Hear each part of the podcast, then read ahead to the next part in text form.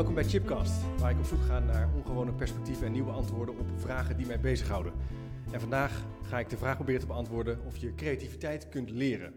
Is het iets wat aangeboren is of niet? Of kun je, kan je het cultiveren en met de juiste aandacht groter maken en, uh, en ermee aan de slag gaan? En dat doe ik met niemand minder dan Bartel Brusset.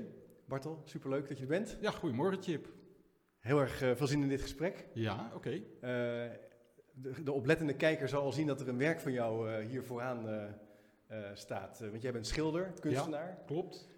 op Facebook schreef iemand dat jij een allemans vaardigheid bezit. Dat je niet alleen kan, kan tekenen. Je, maakt, je hebt een strip ook onder andere ja, getekend. Klopt. Ja, ja, ik doe heel veel verschillende dingen. En dat heeft me altijd, is me dat prima bevallen om zoveel mogelijk disciplines tegelijk tegelijkertijd te, te, bewandelen.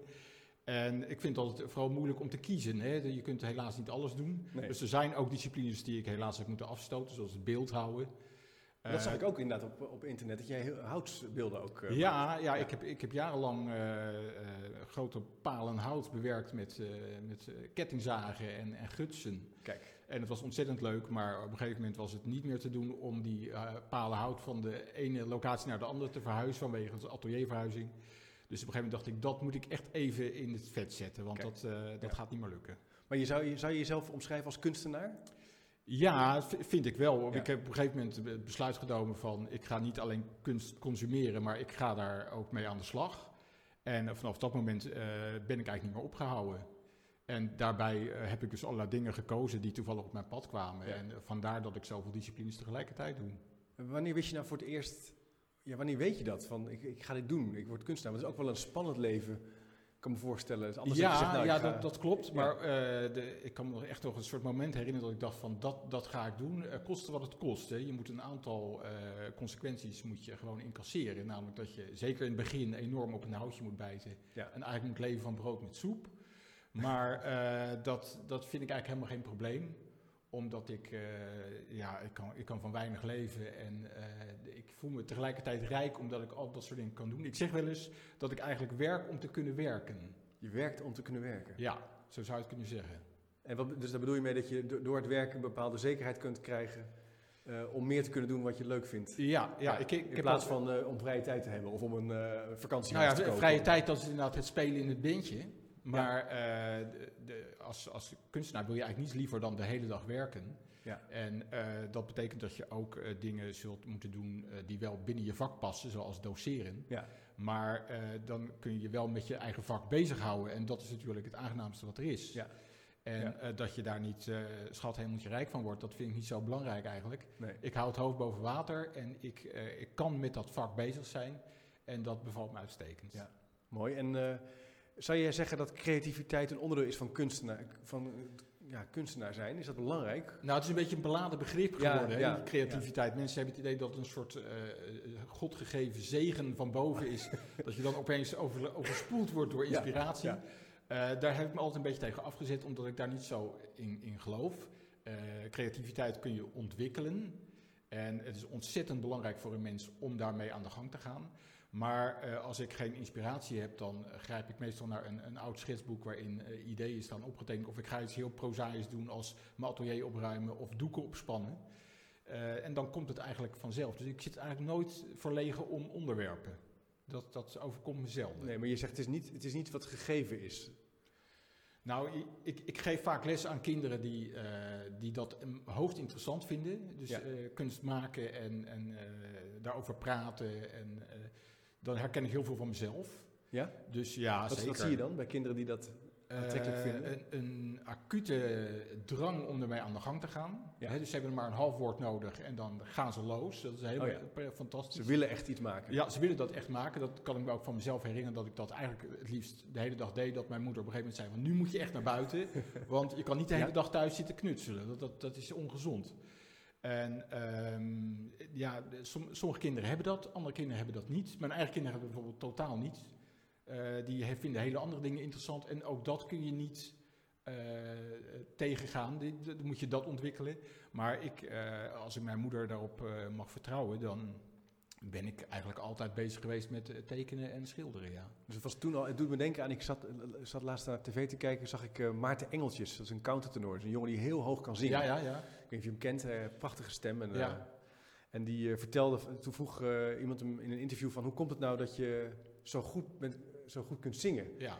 En hij zei, nou, het speelt zeker wel een bepaalde aanleg, een bepaalde klank Klopt. die hij heeft. Maar hij zei, ik was ook vanaf jonge leeftijd obsessief bezig met zingen. Ja. Hij zei dat hij al vanaf vier of vijf jaar in, op zijn kamer Bach aan het oefenen was. Ja, ja nou, als ik, mijn kinderen zijn ja. vier, nou, dat, vijf, dat, zou, je, niet voor. Dat, zou je kunnen omschrijven als talent. Dat is dus al dus talent. dat je het kunt opbrengen om daar van jongs af aan, uh, van vroeg tot laat mee bezig te zijn. En dat ook kunt opbrengen om dat tot in lengte vandaag te blijven volhouden. Want dat, dat geldt niet alleen voor zingen nee. of voor schilderijen maken, maar ook uh, voor tennissen of uh, mensen verzorgen. Als iets je, je, je talent is, tenminste dat iets lijkt boeit en als bezig maar dan zeg, boeien. dan zeg je eigenlijk dat talent iets is wat je in lengte der tijden kan, kan volhouden. Het is niet alleen iets wat gaat over iets heel goed kunnen, maar wat Ja. je ook heel graag over een langere tijd Ja, dat denk wilt ik wel. blijven doen. Ja, ja, en dat je een soort eh, bezeten, eh, bezetenheid kan ontplooien om daar de hele dag mee bezig te zijn. Ja. Als, als andere mensen eh, door het bos wandelen, dan denken ze, oh wat schijnt de zon lekker en wat zie ik daar voor leuke beestjes op een tak zitten.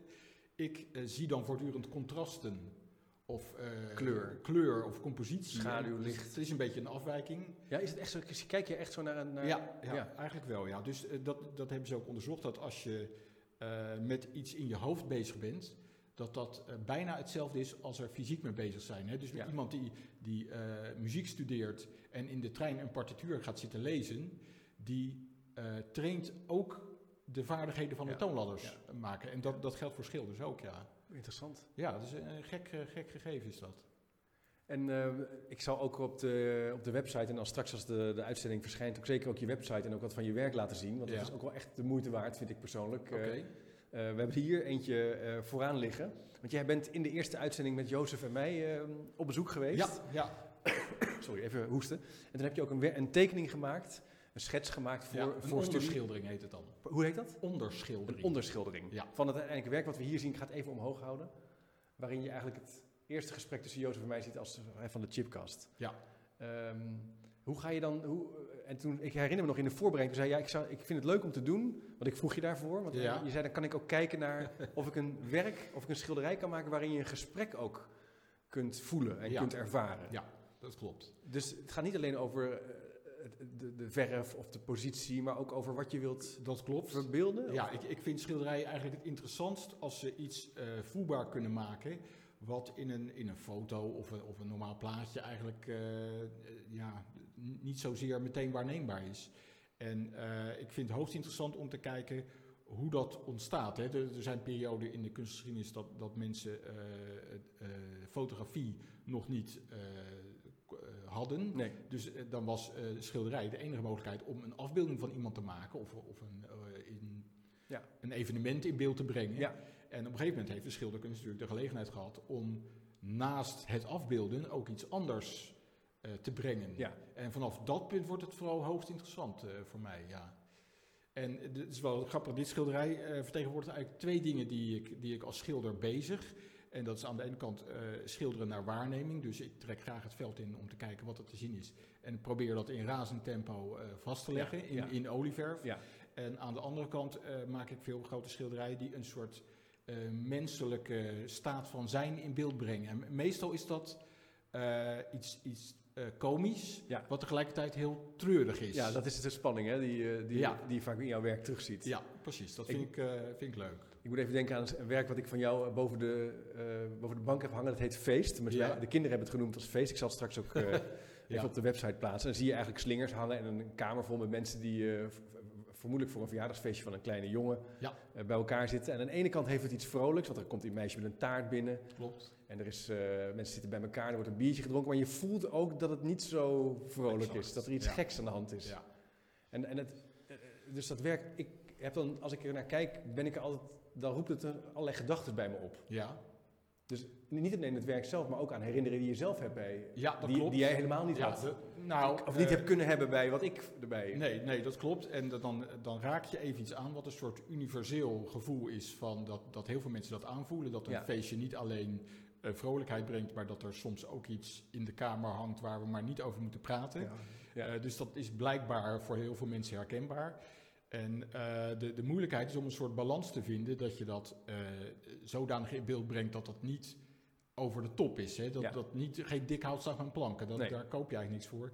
Maar dat het wel bij, bij, vooral bij nadere inspectie voelbaar wordt door, ja. dat ligt ook aan kleur en, en hoe je het opbouwt en de, hoe mensen uh, kijken of juist niet in de, in de camera kijken.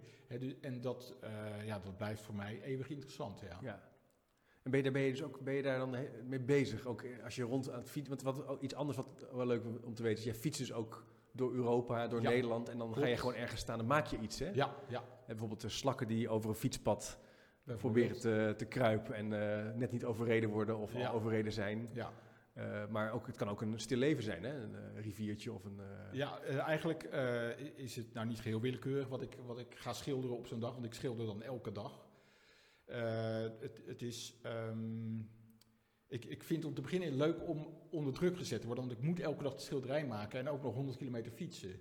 Dus zoveel tijd heb je niet. en juist die, die druk die erachter zit, want heel veel mensen kijken dan mee op Facebook, wat ik, wat ik aan het doen ben en wat ik per dag produceer.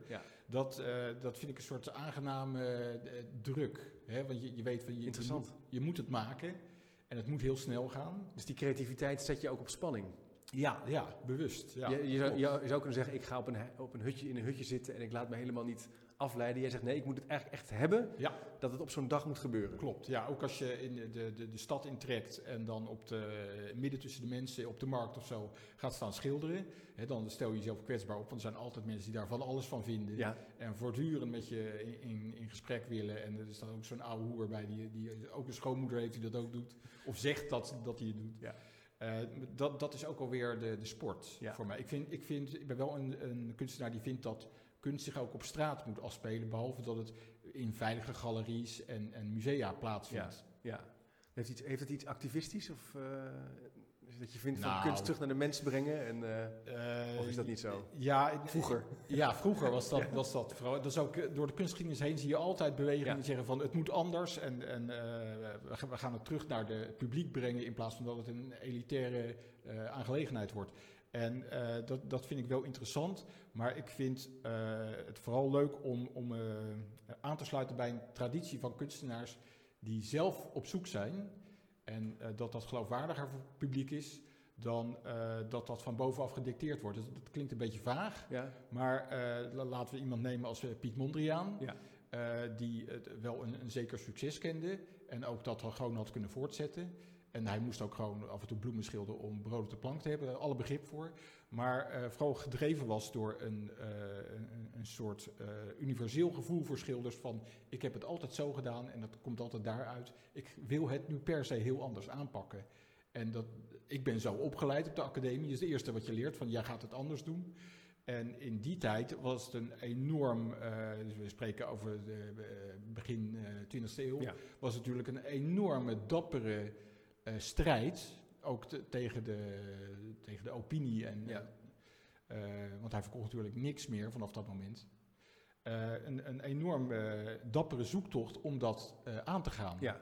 En daarom zoek ik ook bewust dat soort situaties op. Dus er is zo'n bekende tekening van Piet Mondriaan, ik geloof door een vriend geschetst, dat hij op zijn fiets, notabene ook, een soort ezeltje gemonteerd had en daar aan het gein ging zitten werken, naar die, die molen, die, die ook nog steeds staat, ja. dan ga ik daar ook naartoe op dezelfde manier en probeer dat als het ware proefondervindelijk te ondergaan.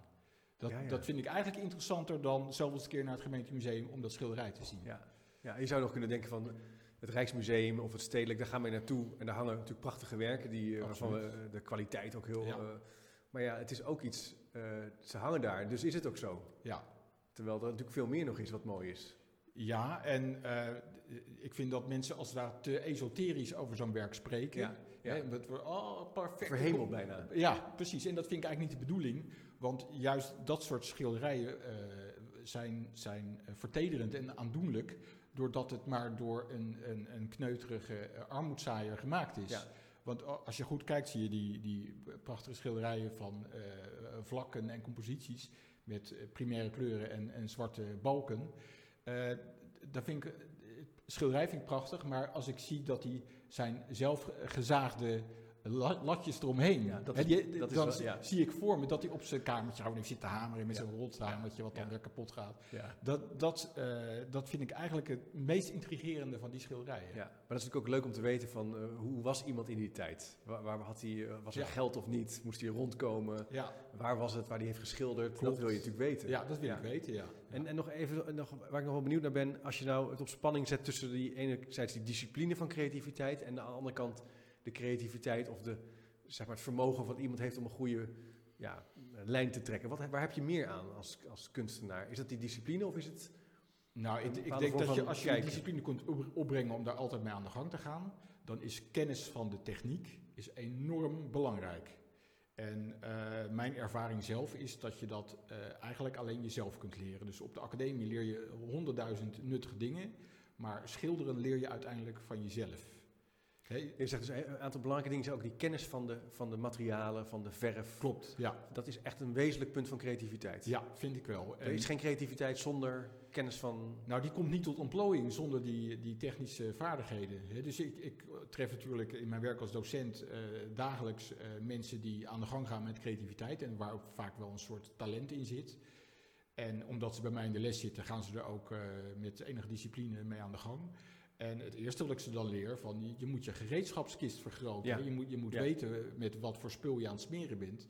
En hoe dat is opgebouwd en hoe dat vroeger werd gehanteerd.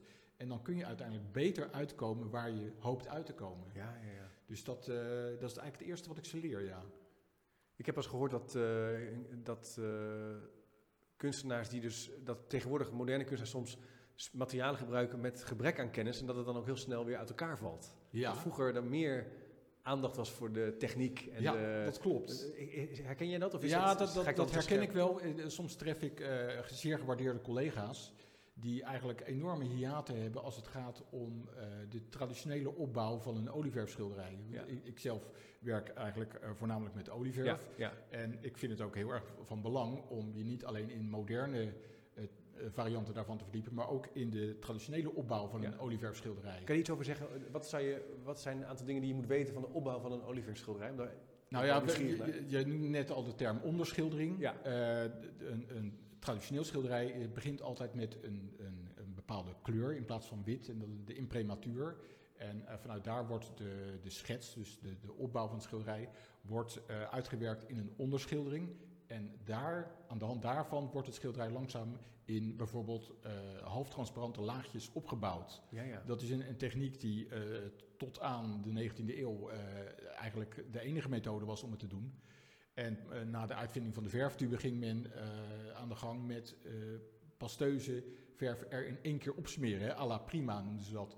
En juist die traditionele opbouw van een, een kleur die niet uit één laag bestaat, maar uit meerdere lagen verf dat, uh, helaas wordt dat te weinig gebruikt, vind ik. Omdat dat een, een, mogelijk, aantal mogelijkheden biedt die onmogelijk zijn met alla prima verf. Bijvoorbeeld, ik kan me bijvoorbeeld voorstellen dat je er meer diep, diepte in de kleur of meer uh, variatie in de kleur kan, ja, kan realiseren? Dat, dat klopt. je, je kunt kleuren niet alleen in één keer laten ontstaan, wa waardoor er ook maar één kleur zichtbaar is. Maar door allerlei lagen optisch te, te mengen, krijg je echt een totaal andere kleurimpressie. En ook hoe vaker licht kan weerkaatsen door die laagjes heen, hoe intenser de kleur. Hè? Als je zo'n schilderij van Jan van Eyck ziet, dan zie je dat de, dat kleed van, de, van een Madonna is onwaarschijnlijk blauw. Ja. Dat is niet omdat hij een, een hele goede, ja, had wel hele mooie goede kleur blauw had. Maar ook omdat het in 20, 30 laagjes bovenop elkaar gezet is. Ik heb ook wel eens gehoord dat, dat uh, een werk wat weer in het licht komt, uh, dat die verf ook reageert op, het, op, de, ja, op de verf. zeker. Ja. Dat wist ik dus ook niet. Nee. Dat klopt? Ja, dat klopt absoluut. En uh,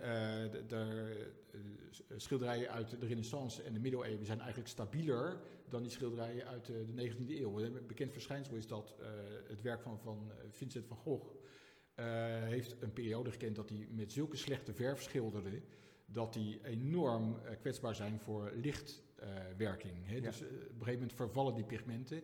En er zijn schilderijen van Van Gogh die zijn zo kwetsbaar dat als ze buiten geëxposeerd zouden zijn, binnen een half uur egaal zwart zouden worden omdat die lichtechtheid gewoon totaal niet deugde. Zo. Want hij had gewoon geen cent te makken natuurlijk. Nee, hij moest het wel doen met wat hij had. Ja, precies. Wat een spannend idee wel dat je schetst dat die creativiteit eigenlijk ten uit, alleen ten uiting kan komen. Optimaal als je weet wat je gereedschap is en als je gereedschapskist ook bereid bent die ja. te vergroten. Dus dat, daar moet ik een kleine kanttekening bij zetten. Oh ja, dus, ja. ik, ik, leer mensen vaak wat de, de richtlijnen en de, de technische regels zijn. Ja. En tegelijkertijd zeg ik, maar regels zijn er altijd om doorbroken te worden. Ja. Want uh, als je heel krampachtig gaat zitten denken van, oh god, mijn gelaagdheid deugt niet. En mijn, ja, dit gaat niet. Dit gaat niet, dit is niet volgens het boekje. Dan denk ik, dat is jammer, want dan, dan missen we een, een drang om dingen te veranderen. En proefondervindelijk te, te, kijken of iets werkt of niet. Ja, maar je zou wel kunnen zeggen dat het wel belangrijk is dat je weet dat je de regel gaat breken. Ja. En niet dat je het overkomt, want dan kan je het ook niet, dan kan je niet nog een keer doen. Nee, dus dat zou, uh, Daarom zeg ik al, noteer het acuut in je schetsboek, zeg ik dan. Oké, ja. ja. Ja, is dat belangrijk? Ja, ja absoluut. Ja. Dus in die zin is er een, voor een kunstenaar is het niet alleen uh, lekker achter die ezel staan, maar er zit een hele wereld achter van het gereedschap wat je al schetst, maar ook oefenen. Ja. Volgens mij uitproberen. Klopt. Uh, ja. onder, die voorstudies maken, je schetsboek mee, aantekeningen maken. Ja, precies. Het is eigenlijk een heel uh, ja, een, een, soort werkwijze die langzaam ontwikkelt.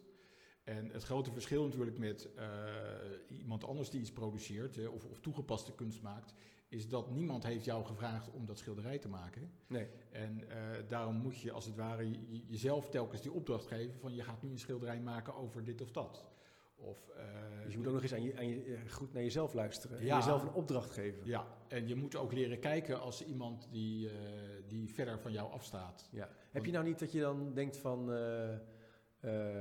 dat je je aan de vraag van klanten laat verleiden om dingen te maken. Je kan natuurlijk ook nog denken, ja, ik weet dat die, dat, dat, die bloemenschilder, of een portret, dat, dat, dat ik dat goed kan verkopen. Terwijl je ook natuurlijk zelf ideeën hebt over wat je wil Ja, nou ik word wel eens met scheve ogen aangekeken dat ik daar wel degelijk rekening mee hou. Hè, want dat is eigenlijk, uh, onder kunstenaars is dat... Uh, dan? not dan, precies. Maar ik vind daar helemaal niks tegen.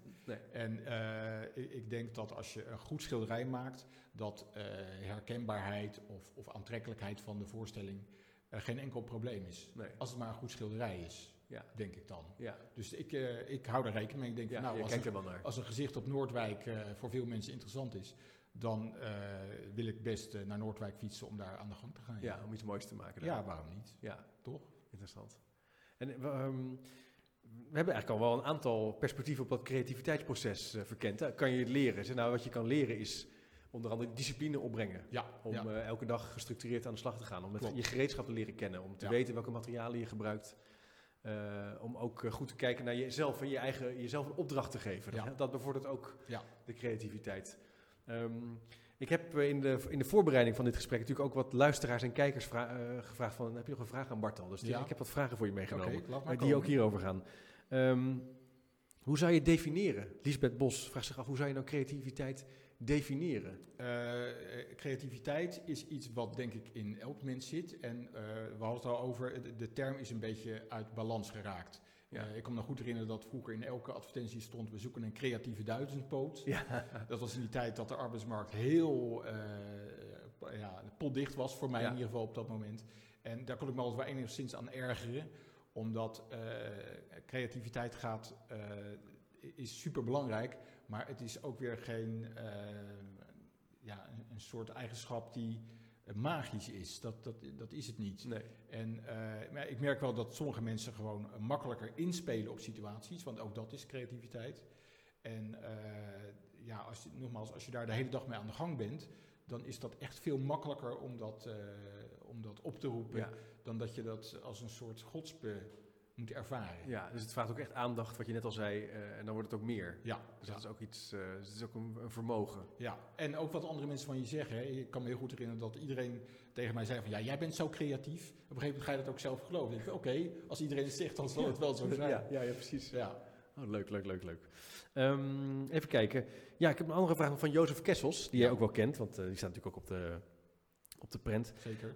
Um, als twee kunstenaars naar elkaars werk kijken, hoe beoordelen ze dan of een werk kwaliteit heeft of wanneer het geen kwaliteit heeft? Ja, dat, dat uh, vind ik een uh, zeer interessante vraag, omdat uh, Jozef Kessels, die zeer in de nabijheid van een andere groot kunstenaar is, zijn, zijn leven heeft doorgebracht, die, die begreep donders goed toen wij elkaar ontmoetten dat, dat, het, dat een, een schilder soms in hele andere dingen geïnteresseerd is dan een, een toeschouwer.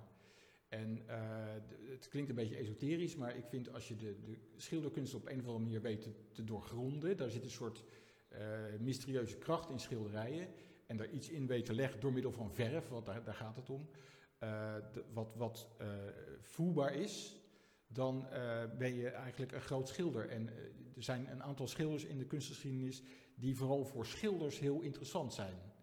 Uh, hij is nu een, een grote naam uh, geworden inmiddels, maar uh, ik, ik kan me goed erin dat ik voor het eerst tegenover een werk van David Hockney stond. Ja.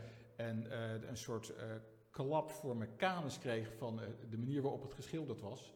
En de, de anti-academische manier waarop het geschilderd was. En hoe uitgekiend het kleurpalet is. En de, behalve dat het voor schilders onderling heel interessant is, is het ook voor het publiek heel waarneembaar. En het is volstrekt integer hoe die ermee aan de gang is. En uh, dat, dat, als ik dat zie bij een schilder, heeft hij sowieso mijn hart gestolen, ja. ja.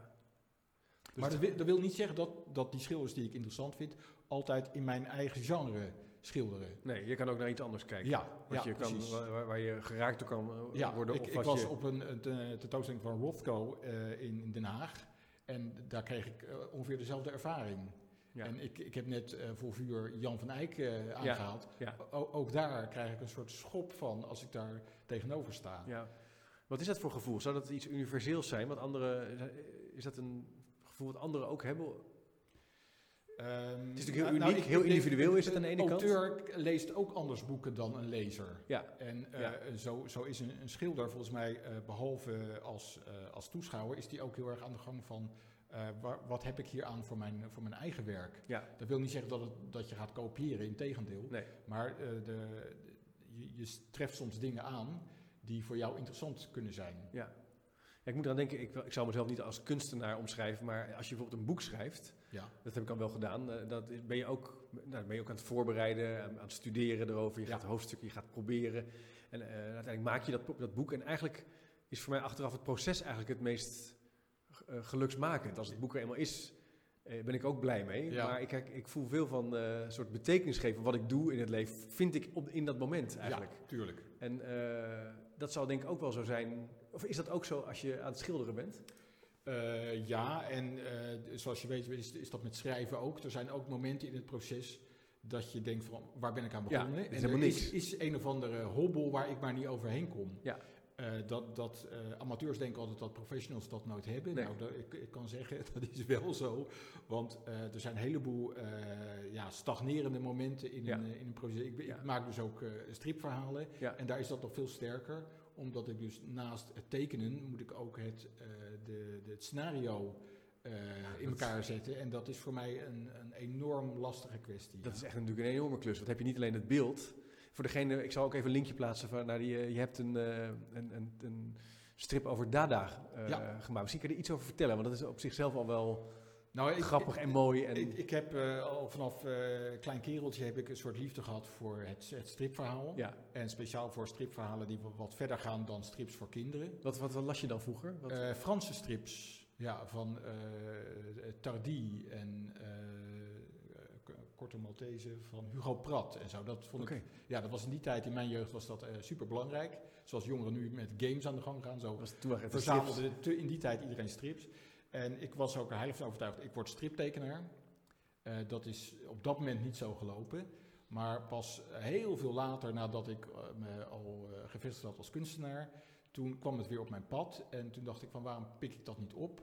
Maar omdat ik nu zoveel interesse heb in kunst en in kunstgeschiedenis, dacht ik ik wil het hebben over iets wat heel dicht bij me staat, namelijk een stukje kunstgeschiedenis. En die strip van Dada in Leiden, die speelt zich ook af in Leiden met een kunsthistorisch onderwerp. Het gaat over Theo van Doesburg en Koert Schwitters. Dus, uh, dat... Hoe, hoe, hoe, heb je dat allemaal bij elkaar gebracht, al die verhaallijnen? Ja. Even, wie is Dada, voor degene die dat... Uh, uh, wat is Dada, zo zou je nog kunnen zeggen. Ja, precies. Eerder, Wat is Dada? En de, de, de, de grap van Dada is dat dat niet bekend is, nee. wat Dada is. En het is in ieder geval een, een periode in de geschiedenis dat, dat mensen alles probeerde uh, op een antwoord te krijgen op, op idiote dingen zoals oorlog of armoede, door daar op een absurde manier op te reageren. En ook een, zeker voor die tijd, een volstrekt absurde manier, zodat het totaal ongrijpbaar was. En de, de kunstenaar Theo van Doesburg, die een heleboel andere interessante dingen gedaan heeft, was op dat moment daar heel erg door gegrepen. En die dacht van, hier moet ik naartoe. Daar heb je weer die, die drang om iets totaal anders te gaan doen. En die heeft contact gezocht met andere kunstenaars die op dat moment ook zo dachten. En die, uh, die zag in Duitsland en in Zurich vooral uh, allerlei interessante uh, voorstellingen plaatsvinden. En hij dacht, dat ga ik naar Nederland halen. En toen is er in Nederland een dadaïstische veldtocht georganiseerd... die aan elkaar hing van eigenlijk bijna tenenkrommende onzin... en hele interessante kunstuitingen. Maar dat gaf ook een enorme hoop reuring en, en reactie... En uh, de, de apotheose van die hele veldtocht heeft zich in Leiden afgespeeld. Namelijk in het Schouwburgje ja. uh, vlakbij waar ik woon. Ja. En dat, dat vond ik zo uh, interessant dat ik dacht van, daar ga ik een strip over maken. En dat vereist een enorme hoop research. Ik kan me voorstellen, ja. ja. Dus dan krijg je de, de, de verhaallijn, de, de, de, teksten, de tekstballonnetjes, de spanningsboog op een bladzijde. Ja, ja. Dat is niet niks, nee. Maar nee, jij dacht dus, jij, en wat interessant is dat jij is vroeger uh, striptekenaar wilde worden. Ja, ja dat klopt. Ja. Ja, ik, ben je eigenlijk ook. Bedoel, ik, ik ben het nu geworden, maar eh, op, op dat moment was dat voor mij een, een nou ja, een, een soort uh, droom. Ja? er zijn kinderen die dromen van om een rockster te worden. Ja, jij wilde gewoon... Ik wou gewoon per se striptekenaar worden. Dus wat, wat deed ik? Ik ontrok, mij uh, even inhakend op, op Jozef Kessels zijn verhaal over dat mensen leren niet alleen door in schoolbanken te zitten, maar ook door andere dingen te doen. Ik vond dat ik niet op school zat om de vervoeging van de derde naamval te leren in Duits. Daar zag ik het nut niet van in, ook omdat de wereld op dat moment politiek in brand stond. Dus ik vond... het was heel gek. Ja, dat was, in de jaren tachtig was dat was een hele gekke tijd natuurlijk. Want aan de ene kant zag de toekomst er niet rooskleurig uit. Nee. Aan de andere kant gebeurden er allerlei hele interessante dingen die, die anders waren en, en tegendraads. Ja. Dus daar werd ik erg door aangetrokken ik had op een gegeven moment besloten van ik onttrek mij aan het onderwijssysteem en uh, dat, dat resulteerde in een soort spijbelgedrag. Ja, onttrekken klinkt nog heel netjes, maar dat betekende gewoon ik ga gewoon niet meer. Ik, ik ga niet meer, maar het gekke is, ik bleef wel op school. En okay. in die tijd was de onderwijsinspectie blijkbaar iets ruimer, want de docent had zoiets van, nou ja, dan is hij tenminste wel op school. Oké, dus je ging gewoon wel naar de les ja. en je deed niks? Nou, ik, ik ging, je ging in de ik, ging niet naar de les, maar ik, ik uh, vertrok eigenlijk uh, na het eerste uh, of tweede uur vertrok ik naar het schoolkranthok. En begon daar in een soort redactiehonk, uh, zette ik de schoolkrant in mijn eentje in elkaar. En die tekende ik vol met mijn eigen strips en schreef daar zelf artikelen voor. En plakte de layout met plakband aan elkaar. En ik ging ook als laatste weg. Op een gegeven moment kwamen de conciërges mij halen van Bartel, je moet ja, nu echt naar huis. Het gebouw gaat dicht. Want het gebouw gaat dicht, ja. Dus het gekke deed zich voor dat ik dus wel op school was. Um, geen lessen volgde, maar tegelijkertijd natuurlijk wel enorm bezig was om uh, mijzelf uh, vaardigheden te leren. Ja, je, je zou eigenlijk kunnen zeggen dat je enorm veel hebt geleerd door niet naar de les te gaan. Klopt. En je eigenlijk nog meer op school was dan de gemiddelde leerling. Ja, ja dat is heel veel. De enige lessen die ik interessant vond waren uh, maatschappijleer, ja. tekenen en geschiedenis. En daar ging ik dan ook tussendoor nog wel even naartoe. Maar de rest vond nee. ik, vond ik dat niet je, nodig. Kon je niet... Nee, dus nou ja, dat, dat kon natuurlijk niet even volgehouden worden. Wat, in, wat ik interessant als, even als, als reflectie op die vraag van wat is dan creativiteit, dat het ja. een soort hele sterke drang is om iets te doen. Uh, dus je, je, je wel, moet ja. dit echt doen. Uh, je, je moet naar dat gebouw, naar dat lokaaltje toe om die schoolkrant te gaan maken. En ja. desnoods haal je dan je, je, eind, je examen maar niet. Nee, met ruzie met je ouders. Of, maar dat is wel uh, een andere vraag van de luisteraar. Is Christa Peters zegt van is het aan te leren? En dat herken ik ook wel in veel organisaties. Van, ja, we moeten creatiever zijn, we moeten innovatiever zijn als je eigenlijk luistert naar jouw voorbeeld, is het een soort hele sterke drang om iets te doen. Ja, dat, dat klopt. Maar ik, ik ben wel gelukkig uh, opgevoed in een gezin waar dat uh, wel aangemoedigd werd. Uh, maar als, je, als het niet zit in een kind, dan kun je het ook niet aanmoedigen. Dat, nee. dat is onbegonnen werk. Nee. Maar wat, wat zij deden, en de, daar ben ik mijn ouders eeuwig dankbaar voor, is dat ze het faciliteerden. dus ik, ik, ik, kreeg geen zakgeld vroeger. ik kreeg prachtig 400 grams tekenpapier en de, de allerbeste krijtjes die je kunt kopen. En uh, als het op was, werd het stilzwijgend aangevuld. Wat bijzonder. Ja. En maar ze waren je ouders niet helemaal in paniek van, oh my god, hij gaat niet... Uh, nou, er is natuurlijk een tijd dat ze zeiden ja, van, joh, ik, weet, ik weet niet waar je mee bezig bent, maar ga naar de academie. En maar dat is veel later natuurlijk, maar uh, ze hebben vooral altijd wel gezien dat dat in mij zat. En ja, dat, dat vonden ze wel dat ik dat, dat uiteindelijk moest doen. Ja. Maar dat je, sommige dingen moet je gewoon op school daar ontkom je niet aan, die moet je leren. Dat is ook allemaal goed gekomen natuurlijk. Maar ehm, ze hebben het wel altijd mogelijk gemaakt. Ja, ja. ja. ja gelukkig wel. Ja, mooi. Ja, en je zegt ook van ja, de ene heeft, heeft dat niet zozeer van zichzelf, die drang om anders, andere dingen te doen. Of die zal wel inhoudelijk geïnteresseerd zijn in biologie of in natuurkunde of wiskunde B. Klopt. Terwijl je hebt er ook die zeggen van ja, ik, ik heb andere ideeën. Ja. En de vraag is natuurlijk, zou een school daar ruimte voor moeten, moeten maken. Ja, nou, maar jou kon het wel, dus op een of andere manier heb je wel daar... Ja, maar dat is dus puur door eigen politiek. Gewoon en doen. Ik vind uh, dat, dat, uh, dat het wel onderkend zou moeten worden als dat in jongeren zit. Ja. Dan moet je ook zorgen dat ze zich dat kunnen ontplooien. En ik vind vooral dat uh, de maatschappij bepaalde dingen, dat daar gewoon geld voor moet zijn. Ja. En ik, ik vind het jammer dat, dat er ook geluiden zijn die zeggen van ja, kunst is schattig. Maar het is uiteindelijk een soort linkse hobby. Dus daar, daar, het is voor de elite. Voor, voor de, de elite. economie draagt het niks bij. Dat, dat, dat kan ik op het begin ook uh, bestrijden. Want uh, het bedrijfsleven maakt wel degelijk uh, gebruik van creativiteit. als je een auto moet verkopen en je zet het stempel Picasso op, dat blijkt toch een belangrijk verkoopmiddel te zijn. En ontwerpers, je zou kunnen zeggen kunst, je kan zeggen kunst is een schilderij, maar kunst is ook een auto ontwerpen. Absoluut. Of nadenken over hoe, hoe twee elementen goed op elkaar aansluiten zonder dat er lucht door kan Klopt. komen. En dat ik, is ook een ik denk dat, dat elke, uh, elke bedrijfsvoering enorm gediend zou zijn met mensen die op een andere manier kunnen kijken en een andere manier uh, daar, daar vorm aan kunnen geven. Ja, maar dat zou dus betekenen, wel een spannende gedachte, is dat als je dat wil als organisatie, dus die, die tegendenkers of die anders denken de ruimte moet geven om uit te proberen en om dus ook een, naar hun eigen schoolkant lokaal te gaan. En niet in de vergaderzaal uh, te zitten, uh, om het ook waarde toe te kennen. Ja. Dat is natuurlijk waar het spannend wordt, want wij hebben vaak toch wel de neiging om dan uh, vervolgens het allemaal weer in plannen te vergieten. En, ja, uh, ja, precies. En nog even terug naar die, uh, we hebben het, uh, het, ook wel naar dat punt van creativiteit op school. We hebben het eerder wel eens gehad over dat stukje wat ik schreef over die handvaardigheidslokalen die verdwenen, hè, ja. die aan het verdwijnen zijn. Ja. Veel basisscholen, ook veel middelbare scholen is dat gelukkig ook wel aan terugkomen, maar er zijn heel veel plekken waar ja, daar, dat past niet in het curriculum. leerkrachten hebben er geen tijd voor. Erg jammer. Dat zou je wel jammer vinden dan. Ja, zeker. En ik denk dat, dat we, we weten met z'n allen dat dingen buiten het normale lesprogramma, dat dat enorm goed is voor de ontwikkeling van het brein. niet alleen bij jonge leeftijd. Hè. We, weten allemaal dat uh, lekker bewegen ja. en goede voeding en slaap, dat dat allemaal bijdraagt aan een goede ontwikkeling van, van een kind. Ja. En uh, ik denk dat het uh, op een creatieve manier stimuleren van het brein, dat dat, dat ook van wezenlijk belang is. Ja. En, maar je, je kan het nog veel breder trekken. Ik denk dat bijvoorbeeld iets als tolerantie wat we ook bij veel mensen willen leren, want dat kun je uiteindelijk leren, uh, dat uh, kunstonderwijs daar ook een belangrijke rol in zou kunnen spelen. Omdat je wordt toleranter van meer Ja, dat denk ik wel. Omdat je leert om dingen eerst te beschouwen, ja. voordat je een, een oordeel velt. En je leert ook om je blikveld letterlijk te, te verbreden.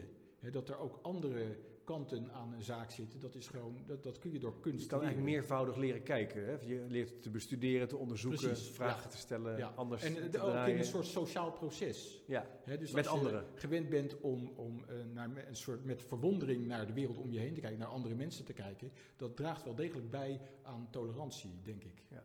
Even, even los van... Maar hoe komt het dan? Want het, het lijkt toch wel op veel... Dat is misschien te cynisch, want er zijn echt wel veel scholen die wel proberen te met kunst en creativiteit dingen te doen. Maar het is toch een beetje erbij vaak. Hè? Ja. Dat valt mij, dat, daar irriteer ik me soms een beetje aan. Ik denk, ja, uh, waarom er nou bij? Waarom niet gewoon volwaardig onderdeel laten zijn van een curriculum? Ja. Nou, is, het, is, het weer, is het weerloos? Of, uh, uh, nou ja, je, je, kan zeggen van we zouden het gelijk moeten trekken met, met andere vakken. Ja, rekenen of, ja, of nou, taal. En dan kom je al snel uit bij een, een onderscheid tussen de beoordeling. Want als je de, de derde naamvalwoorden niet kent, dan kan je een onvoldoende krijgen. Ja. Uh, ik vind dat bij kunstonderwijs zou je ook kunnen be becijferen, maar ik vind dat jammer. Ja. Ik denk uh, dat dat uh, afbreuk zou doen aan de, de drang om, om dingen te doen en te, te maken. En dat, dat, geldt ook voor muziekonderwijs of dansen, dat is ook natuurlijk een prachtige kunstuiting. Um, dus ik ben niet zo voor het, het als een normaal vak beoordelen van, van kunstontwikkeling. Nee. Maar ik vind het wel jammer dat uh, scholen er niet meer uh, aandacht aan besteden om uh, kinderen, jonge kinderen de gelegenheid te geven om daar hun ziel en zaligheid in te leggen. Ja.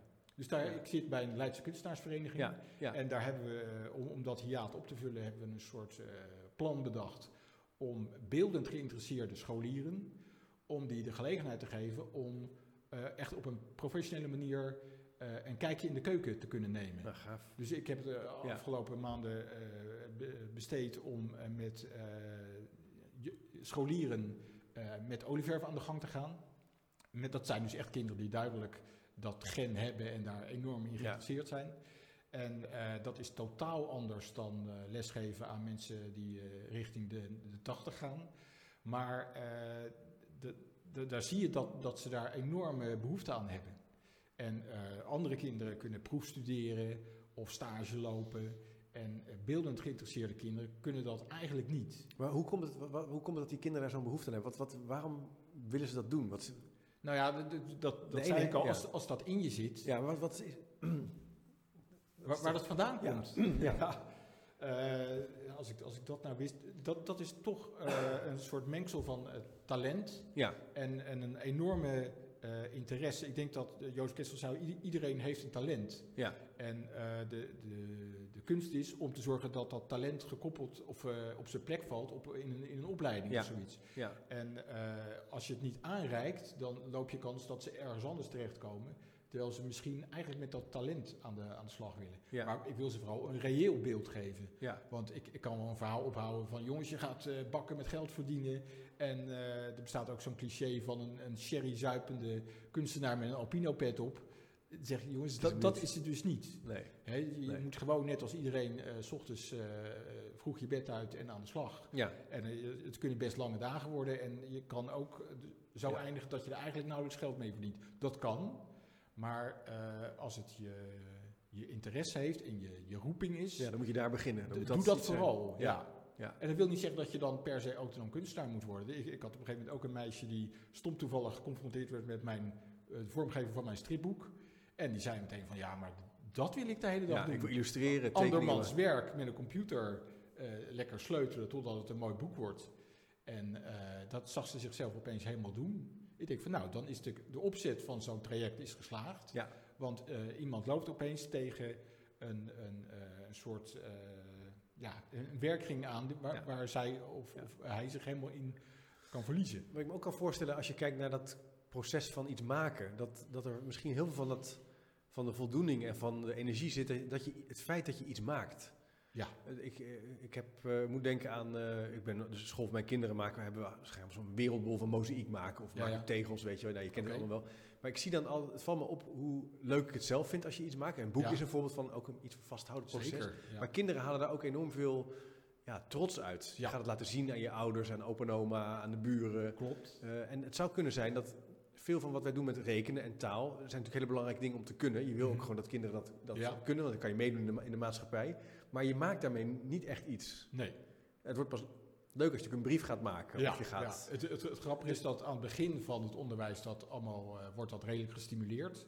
ja, Hè, dus dat ga je, eh, als, als het moederdag is, dan maak je, Ja, ga je de- tekening de maken, ja. kleine onduidelijke potje. ja, Maar eh, naarmate de, eh, de kinderen eh, hoger in, in de klasse komen, wordt dat steeds eh, risicolozer en, en eenvoudiger. Op een gegeven moment eh, wo- wordt het eh, wekelijks kleuruurtje in een, eh, in een tekenboekje. ja, risicolozer en eenvoudiger, ja. Ja, en dat, dat vind ik jammer. Ja, Want eh, ik denk dat, dat juist eh, creatieve jonge mensen best wat meer uitgedaagd zouden kunnen worden. maar er moet ook, dus dat, dat spannende van het moet ook ergens over gaan. Als je wat, het mag ook wel wat spannender worden. Het mag ook een beetje mis kunnen gaan. Het moet Ja. kunnen ontploffen. Natuurlijk, ja. je moet En je, je vingers moet kunnen snijden. aansluiten bij wat jongeren interessant vinden. Ja, je, je kan ze wel leren dat, dat de kunstgeschiedenis van net na 1900 prachtig is. Maar zij hebben te maken met kunstenaars die ze dagelijks op Ja. YouTube zien. ja. En dat zijn misschien... Hele eh, andere, ja, die maken andere dingen. Precies, misschien Lijkt zijn dat straatkunstenaars of rappers of eh, in ieder geval mensen die zij interessant of, of mensen die, die Ja. games maken, vinden ze vaak erg interessant. Ik vind dat je daar niet voor moet afsluiten. Nee. Je moet laten zien dat er wel degelijk eh, ook in, in andere eh, gebieden heel veel eh, te behalen valt. Daar, Dus zit, daar is ook creativiteit en kunst in. Ik moet denken aan het te- textielmuseum in, in Tilburg. Daar was Ja. ik eh, op bezoek. En eh, daar eh, kan je ook, als je daar binnenkomt, kan je allerlei dingen doen. Ja, Eh, en daar zijn ook heel veel jongeren met stoffen bezig om te experimenteren. En je kan dingen uitproberen. En, Ja. en het bleek dat Nike komt daar ook. En grote merken, want die, ja. Ja. die, die, die, hebben daar, die kunnen daar met hele klassieke technieken werken. Ja, En dat is aantrekkelijk voor, voor bepaalde jongens en meisjes die het leuk vinden om met stof bezig te zijn, met ontwerp. Nou, Dat zijn natuurlijk plekken, ja. dat wil je meemaken. En wordt dat dan begeleid door uh, professionele makers? Ja. Of, uh, okay. ja. ja. Ja, Nou, dat, dat, lijkt me om te beginnen al zinvol. Ja, want dat gaat wel belangrijk. Dat gaat weer over het punt van je gereedschap. Hè, dat je weet ja, je kan wel zomaar gaan knippen, maar je moet eigenlijk weten van wat voor soort lijm moet je gebruiken. Ja, uh, hoe maak je een zoom? Ja, lijkt mij. En uh, soms kan, kan, het in een uurtje kun je meer leren dan, uh, de, dan in een half jaar. Ja. En daarom vind ik het ook wel belangrijk dat, dat ja, specialisten op zo'n gebied worden ingezet om dat te doseren. Ja. Dus ik ben er erg voor om kunstenaars in een klas te zetten. Ja. En of, je moet er gewoon meedoen. Ja, ja natuurlijk. Ja, in plaats van, ja, want je, dat is bij de gym,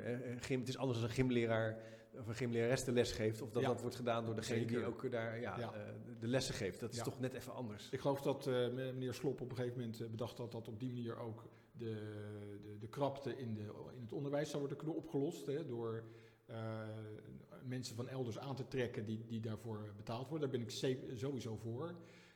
De moeilijkheid is natuurlijk dat niet iedereen didactische kwaliteiten heeft. Nee. Iemand kan een geweldig uh, danser ja. of kunstenaar zijn, ja. maar die, didactisch uh, dat het één grote bende wordt. Nee, je moet wel er, ja, toch uiteindelijk zorgen dat ze stil zijn. Hè? Dat ze, ja, ja, ja, dat daar heb je mee te maken. Dat, ja, dat weet ik zelf wel. Dat is best moeilijk als je... Ja. Zeker als je een groep niet kent en je wordt daar patsboom voorgezet dan heb je te maken met een, een dynamiek en die kan soms uh, behoorlijk pittig zijn. Het vraagt wel ver, verbinding met bijvoorbeeld een, een, vakdocent of een professional uit de klas. En dan kom je ook meer tot je recht. Uh. Of oh, de, de, heel veel schuilt ook in voorbereiding van zo'n paar uur. Je, je, kan mensen niet zo erin donderen en zeggen van nou zoek het maar uit. Hier, hierover doordenken, wat, wat een probleem is, weet ik in het onderwijs, is dat als je dus die mensen van buiten naar binnen wil halen, hè, bijvoorbeeld iemand die sportactiviteit komt doen of, uh, of kunst of mozaïek of schilderen is dat uh, scholen uh, soms zo krap zijn gebudgeteerd dat ze ja. zeggen, ja, alleen de uren dat je voor de klas staat, het uurtje dat jij tekenles komt geven, ja. dat gaan we betalen. Ja. Maar het feit dat jij nog een uur moet voorbereiden, de les moet ontwerpen, er zit een soort spanningsboog in. Klopt. Je, je wil ook uh, misschien stukken nakijken achteraf, of mensen nog een waardering geven. Ja. dat betalen we dan niet. Nou ja, een mooi voorbeeld is dat, dat ik wel eens in een, een half uurtje stop motion moet doseren. Dus de, ja, dat, dat je, ja, even uitleggen wat stop motion is. Uh, stop motion is een film die ontstaat doordat allerlei kleine beeldjes aan ja. elkaar gekoppeld worden. Ouderwetse... Die, fotografeer je. Ja. Dus dat kun je doen door live action, door gewoon zelf te bewegen. Maar je kunt ook doen door een object of een kleipoppetje. Heel langzaam uh, elk framepje weer een heel klein beetje te, te veranderen. Ja. Uh, nou, je, je, kan je voorstellen dat, dat dat heel moeilijk is om in een half uurtje die kinderen ook te zorgen dat ze die fotootjes maken. En dat er, dat er een resultaat komt. Uh, dus dat vereist heel veel technische voorbereiding. En uh, als al die fotootjes gemaakt zijn, moet je die ook op een adequate manier kunnen monteren. En uh, liefst zet ik daar ook nog geluid onder. Ja. En, ja, dat je ook iets hebt waarvan je kan zeggen, nou... Ja, we, je kan je voorstellen dat eigenlijk 90% van die tijd die je daaraan kwijt bent... opgaat aan voorbereiding en ja. nabewerking. Ja. En ja, goed, je, je wil niet dat het teleurstellend is voor nee. die kinderen. Dus dat, dat doe je dan maar. Maar dat wordt niet betaald, nee. Nee, maar dat, dus, dat, is, dat raakt aan de ene kant die economische realiteit waar we mee te maken hebben. Maar een ander, belangrijk punt wat je daar zegt, is dat die succeservaring, dat je iets van vooruitgang moet kunnen zien, ja. dat het je lukt, ja. is natuurlijk heel belangrijk. Ja, als je, je kan heel creatief zijn. Nou, ook als je een boek gaat schrijven, je gaat wat maken en uh, je, je, produceert niks. Mm -hmm. Of je kan, en iemand, niemand leest het, of je kan het niet uit je handen krijgen, ja, dan, dan wordt het nooit groter. Nee. Nee, dan kunnen mensen geen complimenten geven, geen tips geven. Nee, je kan het niet delen, dus dat is ook nog wel een belangrijk punt. Ja, ja. Maar ook, ook daar uh, kun je, de, ik vind dat je daar gewoon uh, tijd en geld voor ja. moet reserveren ja. om dat uh, mogelijk te maken. Ja, ja. Hey, nog een andere vraag um, die ik nog even wil stellen, als je het goed vindt, van Henk Hanneman op Facebook. je hebt een hele grote groep Facebook-volgers en vrienden. En we, ja, die, uh, wel. Het is hartstikke leuk om, om dat zijdelings dan weer te volgen. En die zegt van ja, ik ken uh, de heer Brusset, noemt hij jou overigens ook. Keurig. Als iemand die ook muzikant is, je bent kunstenaar, beeldhouder, je kan bas spelen, je kan met een bijtel aan de gang. Ja. je kan strips maken, animaties, noem je al even stop motion. Als je nou zou moeten kiezen. Ja, wat, daar zou het worden? wel een beetje mee.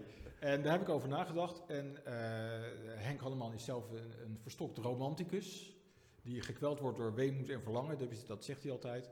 En ik denk dat ik hem daarin wel gelijk moet geven, omdat ik in, als ik uh, met het mes op de keel gevraagd zou worden van wat wil je nou het allerliefste doen, als je alle dingen zou moeten afstoten, dan denk ik dat zo rondtrekken door Europa En elke dag met, met, een, met een potje linzen en schilderspullen op pad gaan. En dan dagelijks een schilderij maken en dan dat eeuwig blijven doen. Ja. Dat, dat is niet haalbaar, want ik word natuurlijk omringd door, ja, door, door werk hier en, en lieve mensen om me heen. Dus dat, dat, kan ik eigenlijk niet doen. Maar als ik met het meest gevraagd word van wat zou je nou echt willen, dan denk ik dat ik daarvoor zou kiezen uiteindelijk. Ja. Een soort rol, een, een beetje troubadour-achtige rondreizende schilder. Ja. Die op allerlei plekken dingen maakt. Ja, precies. Ja. en dan wel met, met, met uh, olieverf? Ja, dan met olieverf, ja. ja. En Dat, dat kan net hoor, want uh, je, is, je, moet een beetje improviseren. Het is moeilijk om het droog te krijgen. Ja. En uh, de, ja, je moet toch af en toe even een schop onder je kont geven. Denken van geen gezeur. Jezelf een opdracht geven? Jezelf een opdracht geven. Precies, zelfs als het regent moet je dan in je tentje je, je schetsje uitwerken voor die dag. Ja. Waar je dan helemaal geen zin in hebt, want je wil gewoon lekker warm in je slaapzakje kruipen. Maar dat, uh, ja, dat, dat uh, vind ik wel een mooie, mooie spanningsboog. Mooi wat je ook even zo te loop zegt, dat die creativiteit klinkt heel creativiteit als woord klinkt heel mooi, maar er zit dus ook gewoon in dat je geen zin hebt om te beginnen. Dat je denkt, uh, laat maar even. Ja. Dus je jezelf een, een, een, een, opdracht geven die echt uitdaagt. Ja. Een discipline ontwikkelen waardoor je elke dag met je vak bezig kunt zijn en aan het werk kunt werken, het werk zelf. Ja. Dat zijn toch wel hele belangrijke ja, dat zal een soort Calvinisme zijn, wat, wat ergens ook in mijn genen mee uh, speelt. Uh, je kan op je nest gaan liggen, maar daar word je, word je geen kunstenaar van. Dus uh, ik vind wel degelijk dat je als het ware een soort verplichting hebt om als je jezelf kunstenaar noemt, om dan om elke dag. Maar ik herken het, wat mij heel erg opvalt in, uh, in organisaties die hebben het over vernieuwing en innovatie, ja. dat die dan het heel erg sterk willen laten afhangen van ontmoetingen waarin ze moeten geïnspireerd moeten raken. En dan moet er een lezer, een spreker komen en die moet dat dan helemaal vertellen. En dan, ik, dan soms ben ik dat dan en dan zeggen ze op het eind van nou, ik vond het toch een beetje, een beetje tegenvallen. Hè? Ja. Terwijl het harde werken, het elke dag een uur eraan besteden, ja. Je veel verder brengt, is mijn ervaring. Met welk vraagstuk dan ook. Het gaat eigenlijk helemaal niet eens zozeer om het vraagstuk. Mhm. Maar de acceptatie dat je er met een zekere vorm van discipline ja. aan moet werken. En we, hebben ook wel eens, we zijn ook wel eens een beetje gaan geloven dat het soms meer gaat over je passie dat, dat, moet dan allemaal bevlogen zijn. En natuurlijk is dat ook belangrijk, anders hou je het misschien niet vol. Maar je komt wellicht veel verder met elke dag ja. gedisciplineerd een uur ja, of een half uur, of wat je ook hebt. Nou, daar helpt voor, eh, voor mij persoonlijk helpt het enorm dat ik dat atelier heb. Ja, want eh, waarom? Dat je daar naartoe moet? Ja, ja want uh, net zoals de, mijn, mijn, kinderen gaan braaf naar de universiteit. Mijn vrouw gaat uh, bij de GGD om te werken. Ja. En ik ga s ochtends de deur uit met mijn broodtrommeltje om naar het atelier te gaan. Dus je bedoelt, je moet een plek hebben? Dat, ja, dat is heel belangrijk, want uh, daar is ook verder geen afleiding. Ja. Ik, ik, kan uh, net een beetje mijn e-mail lezen, maar voor de rest heb ik daar geen internet. Nee. Je hebt wel koffie, ben wel eens geweest. Ja, precies. Nou ja, kopje koffie. vergeet ik vaak op te drinken ook. zo druk ben je Omdat ik druk aan het werk ben, ja. ja, ja, En dat, het eerste wat je, ziet als je binnenkomt is schilderijen waar aan gewerkt moet worden. Ja. En nou, je zet je tas neer en je begint gewoon te werken. Ja. Ja, zo'n plek is ook wel belangrijk waar, je ja, dan, waar het allemaal gebeurt. Ja, ja. ja. Leuk, leuk. Um, leuk om er zo over te praten, Bartel. Uh, over creativiteit. En of, je het kunt, leuk, uh, hè, of het God gegeven is, of je het kunt ontwikkelen. Ja. En uh, waar ben je dan nu momenteel mee bezig qua nieuwe nieuw vakgebied of nieuwe technieken? Uh, af, afgelopen week heb ik uh, heel veel tijd uh, bij de kunstenaarsvereniging doorgebracht. Ja. dus dat, dat, kost toch altijd meer tijd dan je, dan je gehoopt had. gisteren moest er bijvoorbeeld een tentoonstellingsruimte gewit en ge, geplamuurd en geschuurd worden. Ja, dat gebeurt er ook bij kijken. Ja, ja. en ik, ik, ben voorzitter van een, een ja, onderdeel van de vereniging die mensen van buiten die geïnteresseerd zijn een kijkje in de keuken wil geven. Ja. Dus dat is de Vriendenstichting van Ars en de, daar ben ik ook uh, erg uh, druk mee. Uh, er was een, het paasweekend ging op aan de open dagen op Ars. Dat er mensen kwamen kijken wat voor cursussen gingen doen. Dus ook dat was heel veel praten over het werk. En ik ben zelf eigenlijk een beetje aan het opwarmen voor mijn reis naar Barcelona. Oké, ja, dus, dat gaat weer gebeuren. Ja. Dat doe jij om, om het jaar, toch? Ga jij, dus maak jij een reis? om, de, om de twee jaar maak, ik, het, ja, oh, ja, maak ik een reis. En uh, ook om die discipline te kunnen opbrengen om elke dag dat schilderij van 19 bij 25 centimeter te maken, uh, moet je jezelf als het ware een beetje net als een sporter een warming-up heeft. Zo heb ik een periode dat ik nu denk van uh, geen gezeur, je gaat in de polder en je gaat zitten en dan moet er weer dagelijks een schilderij. Dus ben je aan het voorbereiden op het feit dat je straks... Ja, een, eigenlijk een warming-up. Een warming-up. Ja. ja. ja. En waarom Barcelona? om, ik heb de eerste, of de eerste keer was niet echt de eerste keer, maar eerst ben, het eerste jaar dat ik dat echt op die manier deed, ging ik naar Rome. En omdat dat ja, onder kunstenaars natuurlijk altijd een aantrekkelijke stad geweest is. En de sportieve prestatie vind ik leuk. Om, ja, je moet toch over die Alpen heen. twee jaar later ging ik naar Berlijn en toen dacht ik dat is te dichtbij, dus dan moet ik ook terug. Dat beviel wat minder. En het, regende ook voortdurend, dus dat was ook lastig schilderen. Maar het is wel gelukt. En nu dacht ik, uh, ik wil naar uh, Barcelona, omdat dat ook uh, de stad is waar Pablo Picasso ja. en als, als heel jong broekie zijn schilderkornuiten al de vloer mee kon aanvegen door technische hoogstandjes. En ik ben daar uiteraard wel eens eerder geweest, maar ik, ik vind het een mooi gegeven om in, in de stad van de jonge Picasso... Om daar te gaan. Om daar te eindigen ook, ja. Leuk, leuk. Ja. Nou, we gaan het eh, met plezier volgen, eh, Bartel. Eh, via Facebook hè, kunnen we kijken. In principe post ik elke dag ja. een, het werk wat op dat moment geproduceerd En mogen mensen vrienden met jou worden om jou te volgen? Of heb ja, je daar, ja, is dan jouw naam gewoon Bartel Brusset? Uh, ik zal de link ook even in de speakersnotes opnemen, en, uh, zodat we deze zomer een beetje met je mee op reis kunnen. Ik, ik, uh, zie daar, ik krijg er nu echt zin in. Ja, leuk. het gaat wel leven. Het is natuurlijk ook, het duurt niet meer zo lang, hè? Nee, nog. Het is al mei bijna, dus wat dat betreft. ja. Nou, bedankt voor het leuke gesprek, uh, Bartel, uh, over okay, creativiteit. Of je het kunt leren, of je het kunt ontwikkelen, wat er voor nodig is. En dan vanuit een soort, ja, jouw vakgebied als, als kunstenaar daar naar te kijken. Ontzettend leuk.